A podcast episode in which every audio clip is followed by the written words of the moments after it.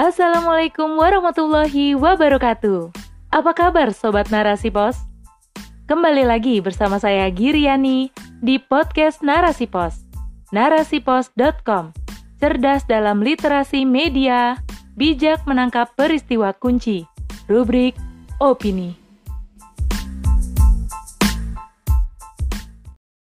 Pelaku unlawful killing difonis bebas, keadilan mati tergilas oleh Heni Rohmawati SEI rakyat Indonesia kembali terhenyak dengan keputusan Pengadilan Negeri Jakarta Selatan atau PN Jaksel. Pasalnya PN Jaksel telah membebaskan dua terdakwa pembunuhan, yaitu Bribtu Fikri Ramadan dan Ibda M. Yusmin pada kasus unlawful killing enam orang Laskar Front Pembela Islam atau FPI di kilometer 50 tol Jakarta Cikampek yang terjadi pada 7 Desember 2020 lalu. Keputusan tersebut dikeluarkan pada Jumat 18 Maret 2022. Padahal dalam persidangan, Ketua Majelis Hakim M. Nuryanta telah menyatakan bahwa terdakwa terbukti bersalah dengan melakukan tindak pidana penganiayaan bersama-sama yang mengakibatkan meninggalnya enam orang laskar FPI. Anehnya, kedua tersangka malah dibebaskan setelah pembacaan pledoi oleh kuasa hukum, yang dengannya kedua terdakwa dibebaskan dengan alasan pembenar dan pemaaf. Kedua tersangka pun terlepas dari segala tuntutan, dipulihkan segala hak-haknya, dan menetapkan bahwa barang bukti dikembalikan ke penuntut umum. Sontak berbagai komentar tokoh bermunculan, salah satunya berasal dari Waketum MUI, Anwar Abbas. Biarlah nanti di pengadilan Tuhan saja masalah tersebut diselesaikan, ujarnya.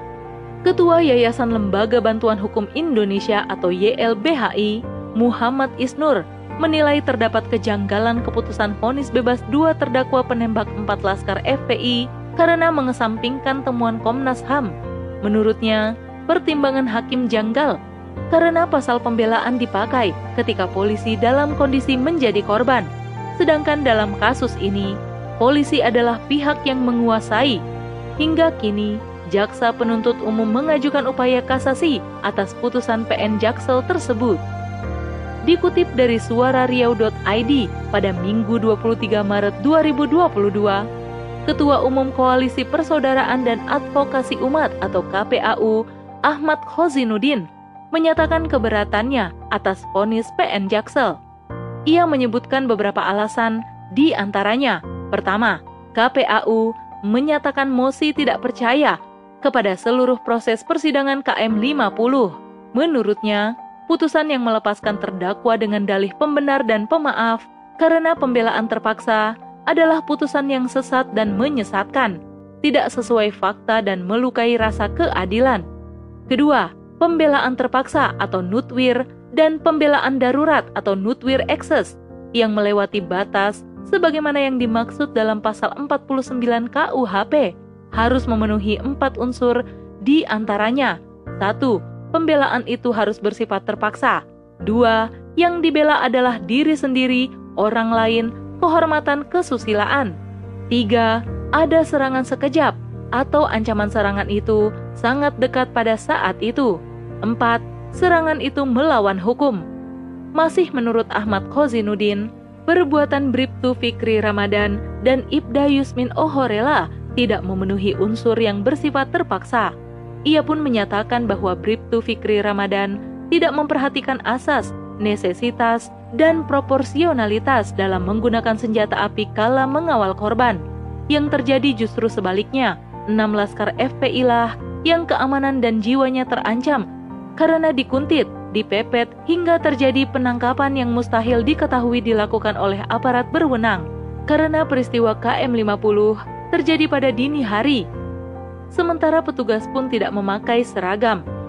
Ketiga, kasus pembunuhan enam laskar FPI adalah pelanggaran HAM berat yang seharusnya diadili dengan pengadilan khusus berdasarkan Undang-Undang Nomor 26 Tahun 2000 tentang Pengadilan HAM dan bukannya melalui pengadilan biasa. Keempat, putusan lepas atau onslaught terhadap dua terdakwa penembakan menunjukkan bahwa hukum telah mati. Kasus KM50 yang menewaskan enam laskar FPI adalah kasus yang sangat menyayat hati. Bagaimana tidak, terbunuhnya enam orang sekaligus oleh aparat keamanan adalah sebuah tindakan keji yang menyisakan banyak tanya tentang keadilan di negeri ini. Mosi tidak percaya pun dilontarkan oleh berbagai pihak, termasuk para advokat dan ahli tata negara. Sungguh, peradilan kini telah berubah menjadi dagelan yang dipertontonkan di negeri yang menerapkan sistem demokrasi yang menjunjung tinggi hak asasi manusia, sementara hak hidup manusia dirampas secara keji dan pelakunya tak tersentuh hukum sedikit pun betapa murah nyawa manusia di sistem demokrasi ini. Sedangkan menurut kuasa hukum korban KM50, Aziz Yanwar, menyatakan bahwa kasus KM50 tidak bisa dilepaskan dari corak penguasa yang represif. Dan kasus ini masih berkaitan dengan Habib Rizik Sihab yang didukung oleh berbagai sarana yang kemudian membangun case building. Kepolisian yang di bawah presiden bak memelihara mesin pembunuh sungguh mengerikan. Demokrasi yang digadang-gadang sebagai sistem pemerintahan yang demokratis ternyata tak bertaji dalam masalah keadilan. Keadilan yang diputuskan tidak menyentuh akar masalah dan persoalan. Hak asasi manusia yang selalu digaung-gaungkan kini sudah mati seiring dengan arogansi penguasa yang duduk di kursi kekuasaan. Keadilan bak pepesan kosong yang makin tampak kekerdilannya Keadilan ditegakkan dengan melakukan ketidakadilan itu sendiri. Kandaslah sudah harapan rakyat mendapat keadilan dari pemimpin dalam sistem demokrasi. Narasi-narasi keadilan tidak sesuai dengan fakta yang terjadi, seolah negeri ini berada di alam hutan rimba. Siapa kuat, dialah yang menang. Islam adalah agama yang bersumber dari Sang Maha Pencipta. Allah adalah zat yang maha penyayang terhadap manusia. Allah berfirman dalam kalamnya, Wahai orang-orang yang beriman, diwajibkan atas kamu kisos berkenaan dengan orang yang dibunuh. Orang merdeka dengan orang merdeka, hamba sahaya dengan hamba sahaya, perempuan dengan perempuan. Tetapi barang siapa memperoleh maaf dari saudaranya, hendaklah ia mengikutinya dengan membayar diat atau tebusan kepadanya dengan baik yang demikian itu adalah keringanan dan rahmat dari Tuhanmu. Barang siapa melampaui batas setelah itu, maka ia akan mendapat azab yang pedih. Quran Surat Al-Baqarah ayat 178 Sementara dalam kalam yang lain, Allah subhanahu wa ta'ala berfirman, Dan dalam kisos itu terdapat kehidupan bagimu, wahai orang-orang yang berakal, agar kamu bertakwa. Quran Surat Al-Baqarah ayat 179 Islam dengan jelas menghukum para pembunuh yang tidak dibenarkan syara, tidak memandang siapa oknum yang melakukannya. Bahkan, seorang khalifah pun di dalam negara khilafah tidak kebal hukum. Semua pihak sama di depan hukum. Sungguh mahal nyawa seorang muslim di sisi Allah, maka Allah menjaganya dengan syariat kisos.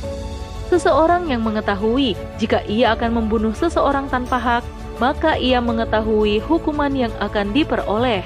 Jika ia telah mengetahui akan dibunuh, setelah ia membunuh seseorang, maka ia akan dihukum dengan cara dibunuh. Dengan cara inilah keadilan dalam Islam ditegakkan, agar nyawa manusia terpelihara, dan manusia tidak berbuat sewenang-wenang terhadap manusia yang lain. Sungguh keadilan itu hanya akan didapat dengan penerapan hukum Islam kafah. Keadilan akan segera terwujud jika syariat Islam kafah bisa ditegakkan sesegera mungkin, bukan mengharap pada sistem demokrasi yang nyata-nyata tidak mampu menghadirkan keadilan pada manusia. Wallahu a'lam bishawab.